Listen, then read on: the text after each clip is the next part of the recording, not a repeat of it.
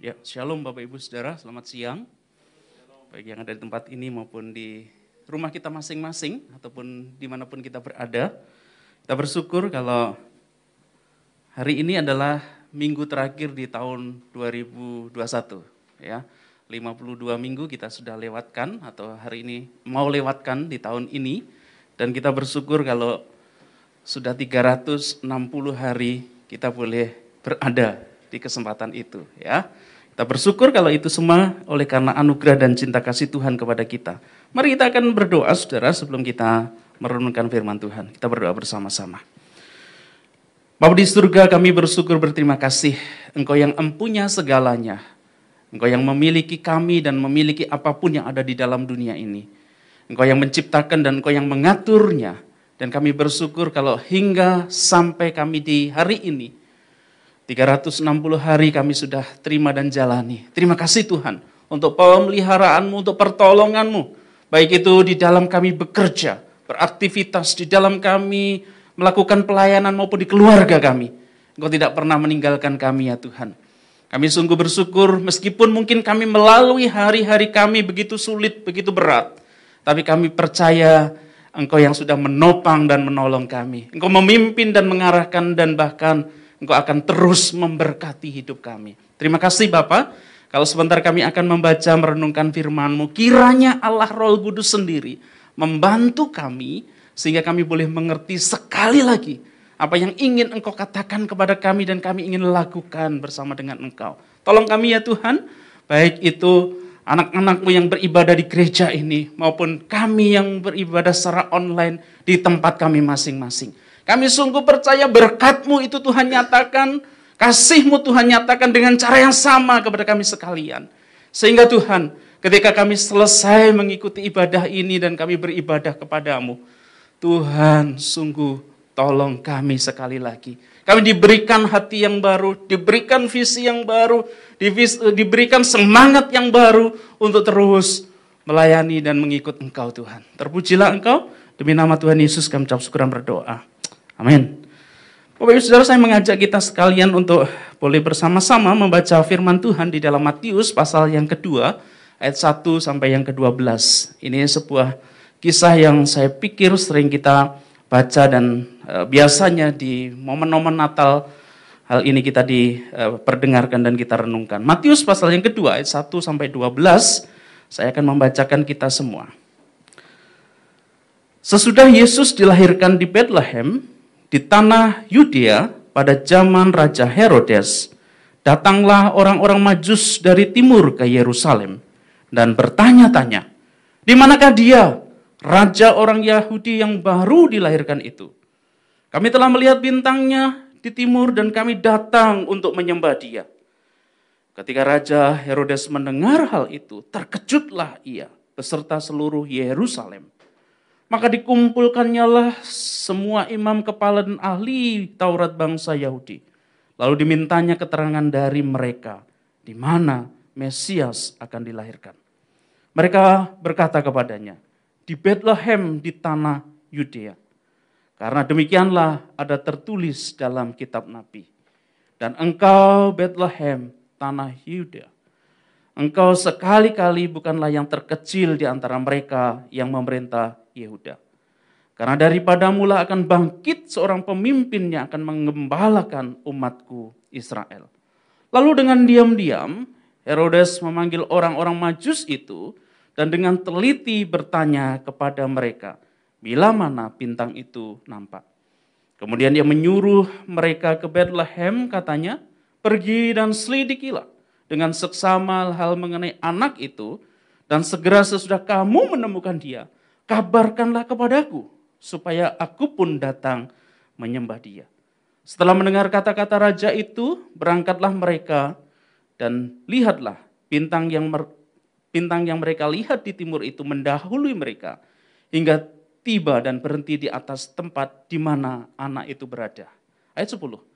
Ketika mereka melihat bintang itu, sangat bersuka citalah mereka. Maka masuklah mereka ke dalam rumah itu dan melihat anak itu bersama ibunya, bersama Maria ibunya, lalu sujud menyembah dia. Mereka pun membuka tempat harta bendanya dan mempersembahkan persembahan kepadanya, yaitu emas, kemenyan, dan mur. Dan karena diperingatkan dalam mimpi, supaya jangan kembali kepada Herodes, maka pulanglah mereka ke negerinya melalui jalan lain. Bapak Ibu Saudara, demikian panjang pembacaan firman Tuhan pada pagi hari ini. Tapi saya rindu ini menjadi sebuah kisah yang terus mengingatkan dan menolong kita sebagai orang percaya. Nah saudara, saya akan memulai dengan sebuah cerita imajinatif untuk memulai khotbah saya pada pagi hari ini. Di sebuah kerajaan di Antabranta, saudara. Kerajaan itu terkenal begitu makmur. Kerajaan itu terkenal begitu e, berlimpah dengan segala kekayaan hasil buminya. Rakyatnya itu hidup dengan rukun dan damai. Mereka saling peduli satu dengan yang lainnya. Mereka tidak kekurangan karena mereka saling membantu. Dan luar biasanya lagi saudara. Raja yang memerintah adalah seorang raja yang begitu arif bijaksana. Begitu memiliki kasih terhadap rakyatnya. Jadi dia tidak hanya yang memperhatikan yang ada di dalam kerajaan saja.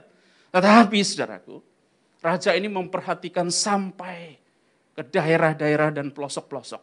Yang mengerti dengan setiap pergumulan yang dialami oleh rakyatnya.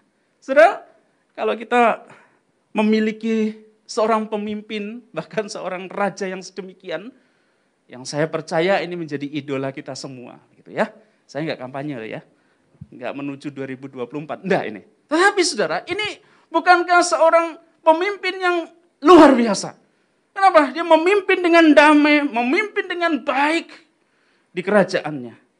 Nah, saudaraku yang dikasih oleh Tuhan, meskipun demikian ada sebuah tradisi kebiasaan yang dilakukan di wilayah itu atau di kerajaan itu. Jadi, semua wanita yang umurnya 25 tahun, mereka itu bukan dalam tanda kutip diharuskan, tetapi mereka ada tradisi biasanya mereka sudah menikah. Saya tidak menyinggung rekan-rekan yang belum menikah, enggak. Tetapi ini sebuah tradisi yang mereka miliki. Nah saudaraku berkaitan dengan itu, raja itu memiliki anak. Dan umurnya sekitar kurang lebih 25 tahun. Jadi harus memiliki pasangan. Saat itulah raja yang baik hati dan bijaksana itu memikirkan anaknya. Betul ya? Seorang papa tentunya memikirkan juga untuk anak-anaknya. Demikian dengan raja ini. Karena pasangan hidup bagi raja itu sebuah kebutuhan untuk anaknya. Jadi dibuatlah sebuah bukan sayembara tetapi audisi, mencari yang tepat buat putrinya ini untuk dinikahkan. Saudaraku yang dikasih oleh Tuhan, tentu berita itu kemudian menyebar ke seluruh negeri, bahkan menyebar ke seluruh wilayah yang di luar negeri itu. Jadi kemudian banyak sekali para pria, para eh, para pria dan para anak-anak bangsawan bahkan pangeran ikut berkompetisi merebut hati sang putri. Gitu ya kira-kira. Bapak Ibu Saudara, setelah diseleksi dari puluhan bahkan ratusan orang yang datang untuk melamar si putri ini saudara. Pada akhirnya seleksi itu memutuskan ada empat orang yang memiliki kriteria dan penilaian terbaik dari ratusan orang itu. Saudara, empat orang ini diberi kesempatan berbicara langsung kepada sang putri supaya ada chemistry mungkin ya. Supaya saling mengenal mungkin ya. Dan supaya nantinya dia begitu tahu dan jelas yang dimau dan saling berpengertian satu dengan yang lainnya. Maka dipersilahkanlah satu persatu menemui sang putri. saudara pemuda yang pertama kemudian datang dan putri bertanya dengan pertanyaan yang sama juga kepada empat pemuda yang lainnya nanti.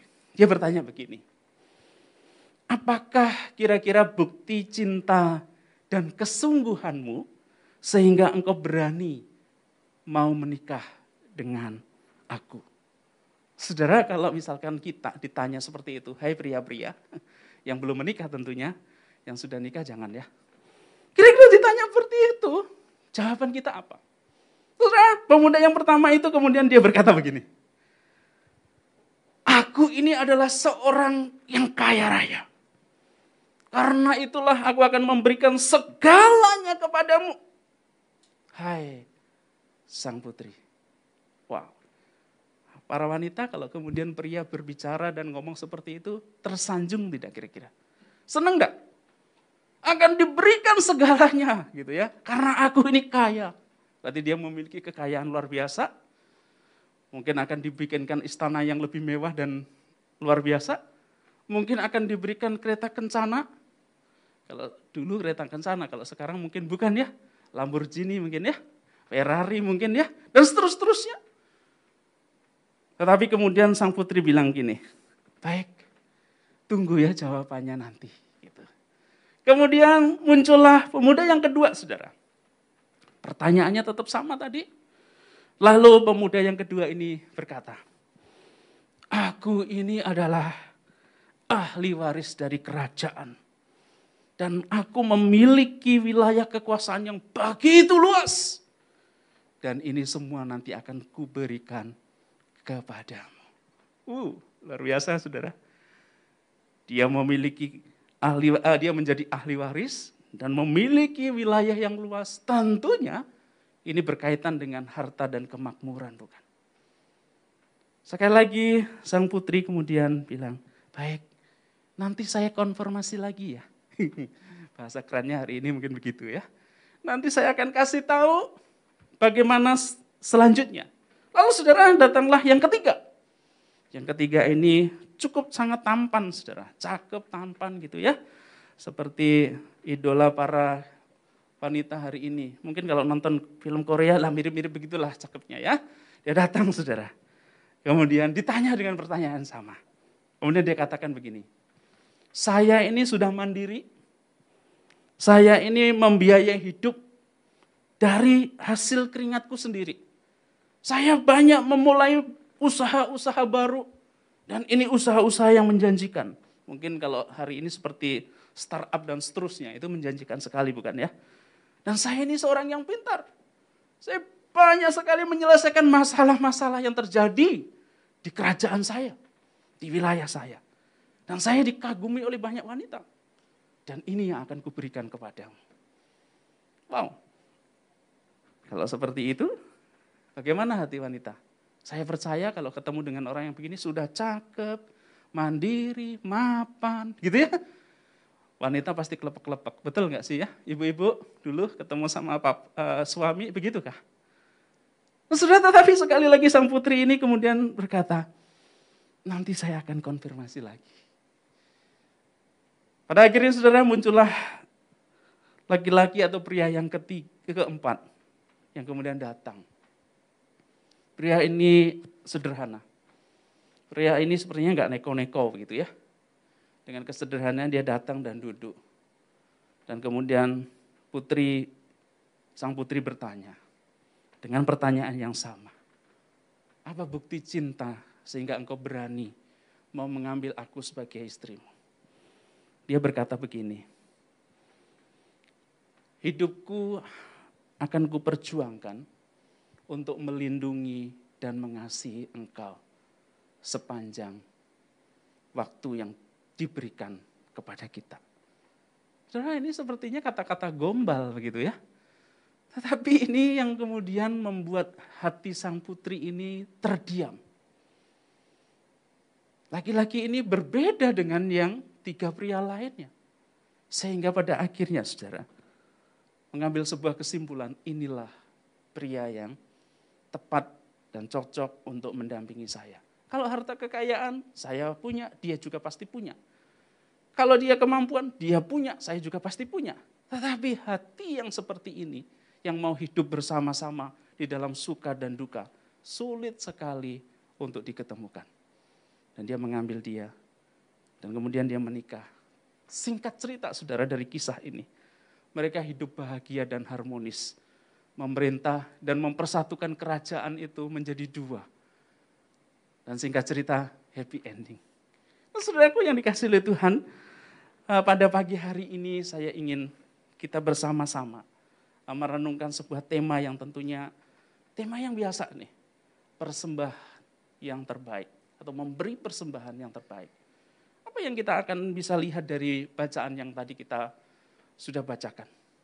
Saudara, kalau kita menemukan setelah Yesus itu dilahirkan, dan ini menunjukkan sebuah waktu tertentu sesungguhnya, ada orang-orang majus datang mencari dan menjumpai Yesus. Orang-orang majus ini datang mencari dan menjumpai Yesus dengan sebuah tujuan.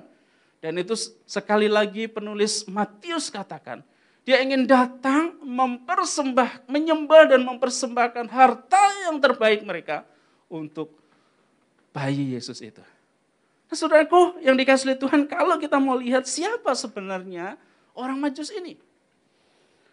Di beberapa bacaan Alkitab dalam Injil, tidak terlalu banyak memberikan informasi tentang orang majus ini, saudara. Tetapi bagi saya, orang majus ini begitu unik. Orang majus ini begitu luar biasa. Orang majus itu berbeda dengan mungkin orang-orang yang ada pada saat itu. Kenapa sekali lagi saudara? Di dalam kisah kelahiran Tuhan Yesus, orang majus ini justru juga dituliskan dan dia adalah atau mereka adalah orang yang memberi yang terbaik kepada Tuhan. Orang yang rela mempersembahkan kepada Tuhan. Kalau kita perhatikan, para gembala dia datang dengan sukacita dengan kelahiran Yesus. Betul ya? Kalau kita perhatikan dalam kisah ini, Herodes mendengar terkejut dan di dalam keterkejutannya bukan kemudian dia menyambutnya, tetapi ada semacam keinginan karena mungkin dia mendapatkan seperti saingan. Ada raja yang dilahirkan, padahal dirinya adalah raja. Dan kemudian ada niat jahat. Kemudian kalau kita lihat dalam perikop selanjutnya, memerintahkan untuk membunuh bayi yang umur dua tahun ke bawah. Di Herodes. Tetapi kalau kita perhatikan orang majus ini, yang datang dari timur. Ketika disebutkan dari timur, banyak teolog ataupun banyak penafsir katakan mungkin saja timur itu di Persia. Mungkin saja timur itu di Babilonia. Dan masih mungkin saja, mungkin saja, mungkin saja yang lain. Tetapi saudara, orang majus ini adalah orang-orang yang sungguh-sungguh mempunyai niat baik, bahkan kerinduan terbaik di dalam hidupnya untuk datang menyembah dan mempersembahkan yang terbaik untuk Kristus, untuk bayi Yesus. Ini orang Majus. Saudara, informasi mengenai orang Majus itu tidak banyak kita tahu. Tetapi kebanyakan orang setuju bahwa orang Majus ini adalah seorang yang dari timur dan dia adalah ahli perbintangan. Kenapa? Dia mengikuti bintang yang bersinar dengan terang dari timur itu sampai pada akhirnya menemukan Yesus di Bethlehem dan di sana dilahirkan. Dia seorang ahli perbintangan. Artinya adalah dia seorang yang pintar. Dia seorang yang bukan main-main, tetapi begitu mengerti. Dan saya percaya dia juga adalah seorang yang memiliki logika ataupun tidak sembarangan dia bertindak dan melakukan uh, perjalanan ini. Tapi orang yang tentunya memikirkan dengan matang dan masak, dengan masak-masak, apa yang harus dilakukan dan dikerjakan. Secara khusus dia mau menemui bayi Natal ataupun bayi Yesus ini. Nah, saudara, yang lebih penting daripada itu, kisah ini dicatat dan memasukkan majus, orang-orang majus ini dalam kisah kelarian Yesus. Adalah kisah yang sangat penting. Kenapa? Kenapa nggak dimasukkan kisah-kisah yang lain? Gitu ya. Ternyata ada sebuah peristiwa yang saya pikir kita perlu mengerti bersama-sama.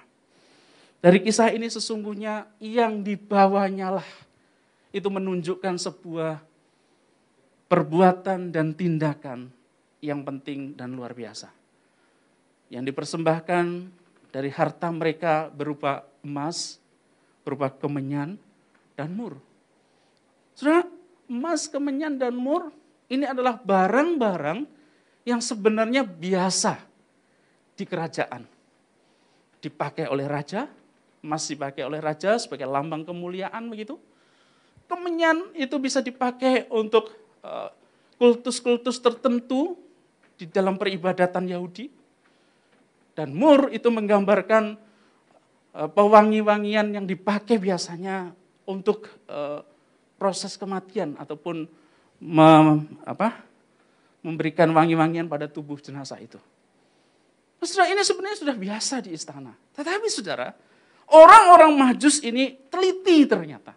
Apa yang dilakukan dan apa yang akan dipersembahkan kepada bayi Natal ini memiliki makna dan memiliki nilai dan arti yang tinggi dan luar biasa. Kenapa?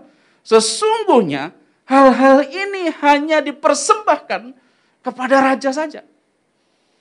Dan ketika orang-orang majus itu mempersembahkan kepada bayi Yesus, artinya apa? Orang majus itu tahu jelas siapa Yesus itu. Artinya apa? Orang-orang majus itu tahu bahwa Yesus itu adalah raja di atas segala raja yang dinubuatkan, yang mungkin mereka dengar pada waktu di Babel ataupun di Persia dari orang-orang Yahudi, bahwa ada nubuatan tentang Mesias yang akan dilahirkan nantinya di Bethlehem. Dan kalau kita perhatikan, ternyata saudara, bukan ahli-ahli Taurat, bukan orang Farisi yang dengan teliti dan jelas memahami akan kelahiran ini. Tetapi justru orang majus itu. Dia datang, saudara, dan kemudian mempersembahkan dan mengakui Yesus itu adalah raja di atas segala raja. Ini sesuatu yang luar biasa, sebuah pemahaman yang begitu tinggi. Ahli Taurat tentunya tahu ini akan harusnya. Orang-orang Farisi bahkan para pemimpin agama insan seharusnya tahu. Tetapi sekali lagi, mereka tidak tahu dengan jelas dan teliti. Nah inilah saudara yang mau kita akan renungkan pada pagi hari ini. Kita melihat bahwa ternyata yang dilakukan adalah memberikan persembahan yang terbaik. Karena kalau kita mendengar ataupun mengingat kata terbaik, apa yang terbersit di dalam pikiran kita? Terbaik. Apakah kira-kira? Saya setuju saudara, kalau terbaik itu harus selalu bagus, betul ya? Harus selalu bagus terbaik itu harus selalu lebih daripada yang lain karena terbaik. Dan mungkin terbaik itu harus menunjukkan sebuah kualitas dan nilai di atas segalanya. Maka kita bisa menyebutkan itu terbaik. Saya setuju saudara. Dan mungkin itu juga benar. Namun kalau kita mau perhatikan nilai dan memahami istilah terbaik ini dikaitkan dengan yang dilakukan oleh orang-orang majus ini. Maka saudara, kita akan bisa melihat tahapan demi tahapan sehingga menghasilkan sesuatu yang terbaik. Yang pertama saudara yang kita akan renungkan. Terbaik itu pasti akan dimulai dengan sebuah usaha yang maksimal untuk mencari. Sekali lagi, per, terbaik itu adalah usaha maksimal dilakukan untuk mencari. Orang majus saat itu melakukan sebuah usaha yang maksimal untuk menemu, mencari dan kemudian menemukan Raja Yahudi itu. Sudah bisa dibayangkan, dia tinggal di timur, lalu dia mencari apa yang kemudian dia ingin lakukan. Melakukan sebuah perjalanan menuju ke Yerusalem, mencari raja yang baru dilahirkan. Sudah bayangkan itu ada sebuah resiko, ada sebuah halangan yang pasti akan terjadi. Saya percaya saudara, ketika dia bercerita mungkin kepada keluarganya, mungkin kepada istri dan anak-anaknya, kerabat yang lain, untuk berpamitan, untuk menemukan dan mencari bayi Yesus yang dilahirkan di Yerusalem. Ini penuh dengan resiko. Kenapa saudara? Bukan hanya dia pamitan dan pergi, tetapi pamitan dengan membawa emas, kemenyan, dan mur. Dan itu adalah memiliki nilai yang terbaik. Dan mungkin saja itu adalah harta kekayaan mereka yang ia punya yang teristimewa. Bayangkan saja, kalau dia ada seorang suami, kemudian dia berkata kepada istrinya, Istriku, ini kita ada harta kekayaan kita berupa emas hari ini saya bawa semua ya. Saya akan bawa, saya akan berikan kepada bayi raja di atas segala raja yang dilahirkan itu. Saudara bisa bayangkan itu. Apakah kira-kira komentar istri? yang terbaik, yang itu yang ia miliki dan kemudian diberikan. Kok saya pikir pasti akan ada pikiran, jangan begitu, jangan bawa semuanya lah, gitu kan ya. Sedikit saja gitu. Janganlah, kamu pergi-pergi saja nggak usah bawa barang-barang deh. Mungkin aja begitu. Ada hambatan dari keluarga. Mungkin akan berpikir kalau kamu bawa ini dan persembahkan kita nanti bisa hidup dari apa? Kita butuh makan, gitu kan ya. Kita butuh yang lain-lainnya. Ya mungkin jangan. Mungkin itu yang terjadi, saudara. Belum lagi mungkin dari masyarakat sekitar yang mendengar bahwa mereka mengumpulkan harta kekayaan dan akan mereka bawa. Mungkin image orang-orang sekitar yang ada di tempat itu akan berpikir, eh, ini gimana sih orang nih? Sudah membawa hasil uh, kekayaan dari keluarga yang paling terbaik. Kemudian dibawa. Mau dibawa ke mana dia belum tahu jelasnya loh. Dia bilang gitu pastikan saudara. Pak ini jangan dilakukan lah. Ada perguncingan-perguncingan dan seterusnya di masyarakat sekitar. Saudara, resiko-resiko itu ada dalam masyarakat itu. Tetapi kalau kita perhatikan mereka tetap dan kemudian tetap melakukan perjalanan itu. Saudara kendala seterusnya mungkin di perjalanan saudara.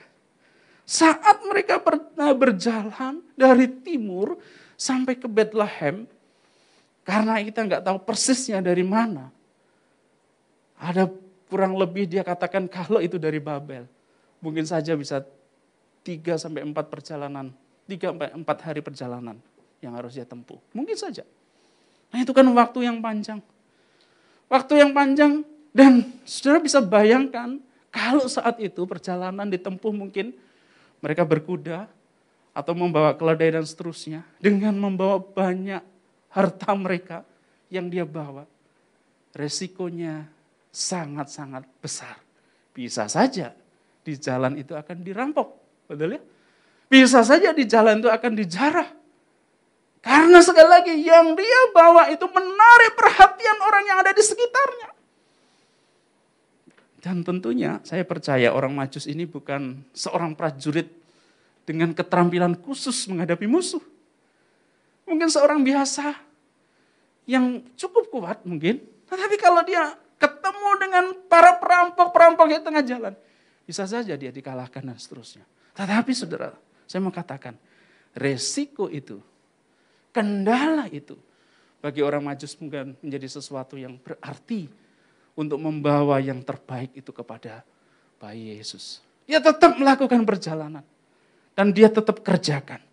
Dari timur sampai ke Bethlehem. Dan saat sampai di Bethlehem, saudara, yang menjadi perjalanan yang mungkin begitu panjang. Perjalanan ini mungkin perjalanan yang penuh dengan kendala. Yang saya percaya, saudara, mereka penuh dengan segala usaha dan daya mereka hingga sampai di Bethlehem. Saudara, dari timur sampai Bethlehem, bisa saja itu menggambarkan kehidupan perjalanan iman kita. Itu bisa saja menggambarkan kehidupan kerohanian kita saat ingin memberikan yang terbaik. Mungkin ada kendala-kendala yang muncul.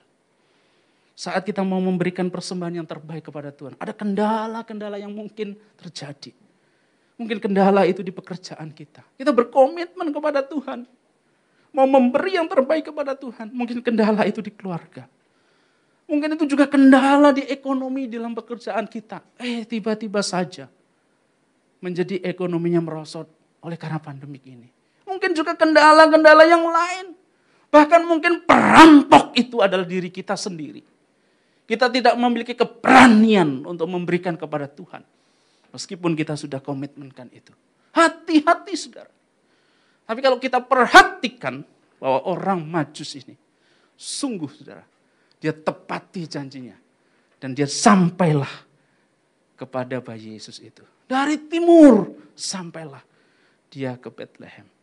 Saudara, mampukah kita ketika mau memberikan yang terbaik kita bisa menyingkirkan dan melewati kendala-kendala dan resiko itu. Orang majus meladankan dia berani dan mampu melewati segala kendala itu. Nah, yang kedua yang mau kita renungkan. Ketika dia mengadakan perjalanan dan dia kemudian menemukanlah pribadi yang tepat untuk dia sembah. Pribadi yang tepat untuk dia muliakan dan agungkan. Saudara, di Yerusalem itu atau di Yudea itu ada seorang raja yaitu Herodes. Tetapi ternyata bagi orang Majus, bukan raja itu yang patut disembah. Bukan Herodes atau pribadi itu yang patut disembah. Tetapi sekali lagi ternyata sebuah rumah, di satu rumah, di sanalah dia melihat ada seorang bayi, mungkin sudah anak-anak ya, dan dia melihat di sana dan kemudian datang sujud menyembah bayi itu. Orang-orang majus itu begitu teliti dan jeli, mengerti siapa yang diutamakan dan harus disembah di dalam hidupnya. Dia tahu ada banyak orang yang mungkin mengaku diri untuk bisa disembah. Ada banyak mungkin raja, pejabat dan seterusnya mengaku diri mungkin untuk bisa menyelesaikan dan memberikan solusi. Tetapi si majus atau orang-orang majus ini teliti, dia tahu pribadi mana yang tepat untuk dia sembah. Saudaraku yang dikasih oleh Tuhan. Kepada siapa kita hari ini menyembah? Kepada siapa kita memberikan kemuliaan? Kalau dikatakan di dalam ayat 11a dikatakan, maka masuklah mereka ke dalam rumah itu dan melihat anak itu bersama dengan Maria ibunya. Lalu sujud menyembah dia. Kita sujud menyembah dia. Orang-orang majus itu sujud menyembah bayi Yesus. Orang-orang majus itu sujud kepada pribadi yang tepat dia sembah. Yaitu Allah sendiri yang datang menyerupai manusia berupa Yesus. Dia sujud menyembah. Bukan sujud menyembah kepada hal-hal yang ada di dalam dunia. Bukan kepada manusia seperti Herodes. Tapi sekali lagi, dia sujud menyembah kepada bayi Yesus. Suraku yang dikasih oleh Tuhan. Kadang kita ini ditundukkan dan tertunduk kepada masalah dan pergumulan yang kita hadapi. Tetapi kita melihat bahwa orang-orang majus ini hanya sujud menyembah kepada Yesus. Mungkin hambatan dan godaan dan seterusnya itu ada. Dan dia tidak menyembah kepada Herodes. Karena dia tahu Herodes manusia biasa. Maka dia datang dan tahu tepat sujud menyembah kepada Yesus. Orang majus ini meladankan kepada kita, kita harus menyembah kepada pribadi yang tepat. Pribadi yang tertinggi, yaitu Yesus sendiri. Bukan kepada Herodes, manusia yang berkuasa dan diberi kuasa untuk memerintah saat itu. Bukan juga kepada harta dan kekayaan yang kita miliki. Namun dia sekali lagi menyembah kepada raja di atas segala raja di dalam Yesus. Yesus adalah raja damai. Yesus adalah Tuhan yang penuh kasih. Dia turun ke dunia dan menyelamatkan kita manusia. Dia menebus dosa-dosa kita. Dan biarlah kemuliaan itu kita berikan bagi dia di tempat yang maha tinggi. Saya rindu saudara pujian yang tadi dinaikkan di awal, kita boleh naikkan kembali. Oh Yesusku, Engkaulah Raja Damai. Menjadi dan mengingatkan kepada kita hanya pribadi Yesus saja yang patut kita sembah dan muliakan. Oh Yesusku, Engkaulah Raja Damai. turun ke dunia. Selamatkan manusia. Oh Yesusku Yesusku Kau Tuhan penuh kasih.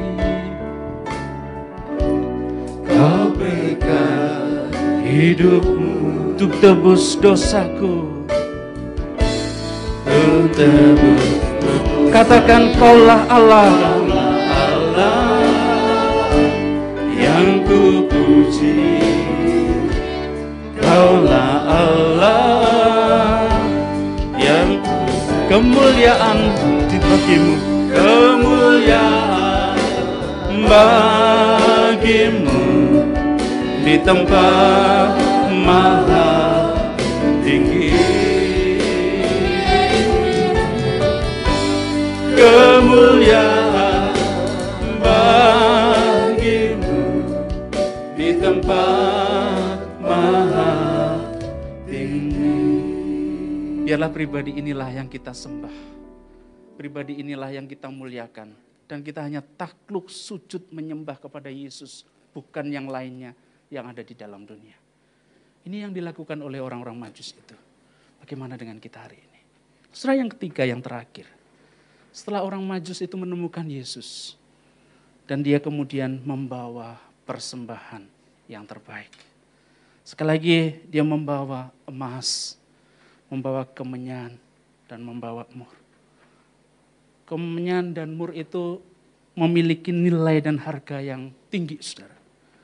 Beberapa orang menafsirkan harganya kalau umur itu eh, enam dinar.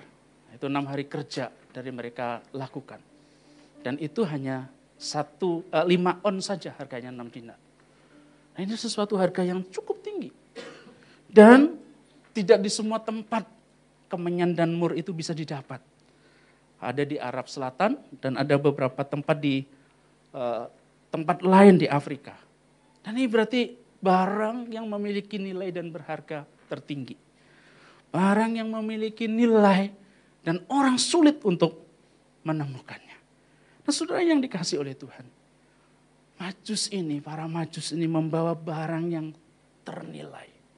Yang mereka miliki. Dan yang ternilai, yang tak ternilai itu. Yang memiliki nilai yang luar biasa itu. Kemudian dipersembahkan hanya kepada Yesus, bukan kepada Herodes, seorang penguasa tadi, bukan kepada yang lainnya, mungkin gembala-gembala yang saat itu juga ada, orang-orang di sekitarnya tidak. Tapi dia tahu, dia persembahkan hanya kepada Yesus. Dan itu yang diserahkan di dalam hidupnya. Saudaraku yang dikasih oleh Tuhan. Kalau orang majus ini meneladankan, dia memberikan yang terbaik kepada Tuhan. Adakah di dalam hidup kita memiliki komitmen yang sama. Berkomitmen untuk memberi yang terbaik, yang tak ternilai itu kepada Tuhan. Mungkin di sepanjang tahun 2021 ini, kita sudah melakukan banyak hal dan kita sudah memberi, memberi kepada Tuhan. Tapi pertanyaannya, apakah itu yang terbaik kepada Tuhan? Kalau kita belum, saudara, mari kita mengintrospeksi diri di hari ini. Sudahkah aku memberi yang terbaik kepada dia? Mungkin kita memberi melalui harta kita, saudara. Sudahkah harta yang kita punya itu harta yang terbaik yang kita berikan kepada Tuhan? Mungkin saudara katakan, aku memberi hidupku. Sudahkah hidupmu itu adalah hidup yang terbaik yang kau berikan kepada Tuhan? Mungkin kita katakan, aku memberikan ideku. Tapi sudahkah saudara, ide itu adalah ide yang terbaik yang kita berikan kepada Tuhan? Hari ini saudara, kita diundang dan diajak seperti seorang majus ataupun orang-orang majus ini. Memberi yang terbaik kepada Tuhan. Apa yang akan kita berikan yang terbaik kepada Tuhan? Apa yang akan kita komitmenkan untuk mengakhiri tahun ini? Memberi yang terbaik kepada Tuhan. Bahkan memulai tahun yang akan datang dengan semangat dan komitmen aku akan memberikan yang terbaik kepada Tuhan. Apa itu saudara? Saudara saya rindu pujian ini juga mengingatkan kita semua. Satu pujian yang ditulis oleh Charlotte E. Barnett di dalam KPPK nomor 344. Di sana dikatakan serahkan yang terbaik padanya. Saya rindu saudara pujian ini bisa kita nyanyikan bersama-sama. Mengingatkan kepada kita, menggugah semangat kita dan kerinduan kita di sepanjang hidup kita yang sudah kita jalani dan akan kita jalani. Mari kita memberi yang terbaik kepadanya, mempersembahkan yang terbaik kepadanya. Mari kita musikan pujian.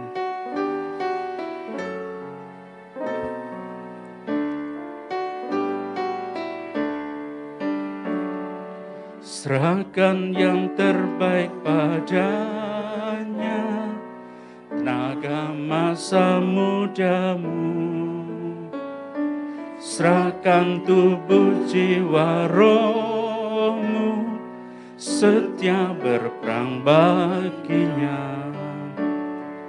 Yesus teladan yang indah. Ya teguh dan tak gentar.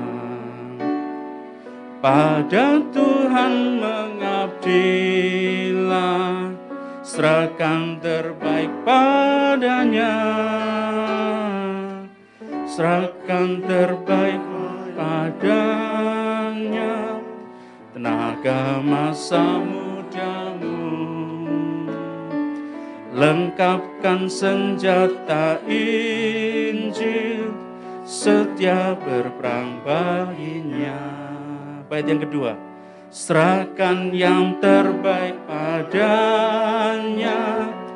Jadikan dia rajamu. Selaga hal dalam hidupmu. Serahkan kepadanya anugerahnya. Anugerahnya akan diberikan pada yang rela memberi. Pada Tuhan melayanlah, serahkan terbaik padanya. Serahkan terbaik padanya, tenaga masa mudamu. Lengkapkan senjata Injil, setia berperang baginya. Terus siapkan dan berikan yang terbaik kepada Tuhan. Sebab hanya dialah yang patut kita berikan yang terbaik. Dia sudah memberi yang terbaik kepada kita. Dia hadir dan lahir ke dalam dunia.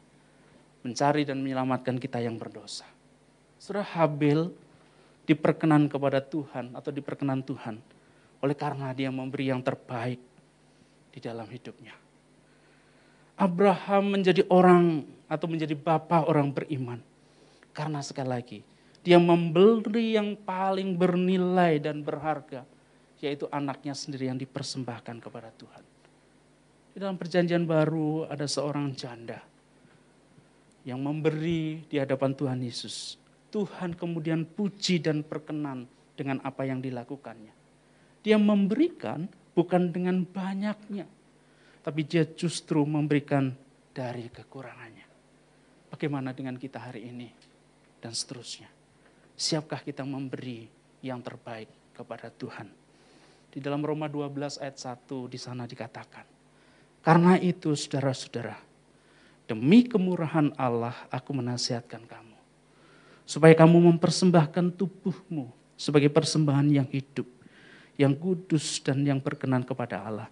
Itu adalah ibadahmu yang sejati. Berikanlah yang terbaik kepada Tuhan. Mumpung masih ada waktunya, mumpung masih ada kesempatan. Mari kita persembahkan yang terbaik kepada Tuhan melalui hidup kita dengan apa pun yang kita kerjakan. Tuhan memberkati. Mari kita berdoa. Tuhan terima kasih. Engkau mengingatkan kami melalui orang-orang majus ini. Tuhan kami rindu Tuhan. Mulai saat ini dan seterusnya kami boleh memberi yang terbaik kepada Tuhan dengan berani melepaskan dari apa yang sesungguhnya paling bernilai yang kami miliki, paling bermakna yang kami miliki, paling berharga yang kami miliki. Tuhan tolong agar kami bisa memberikan yang terbaik kepadamu.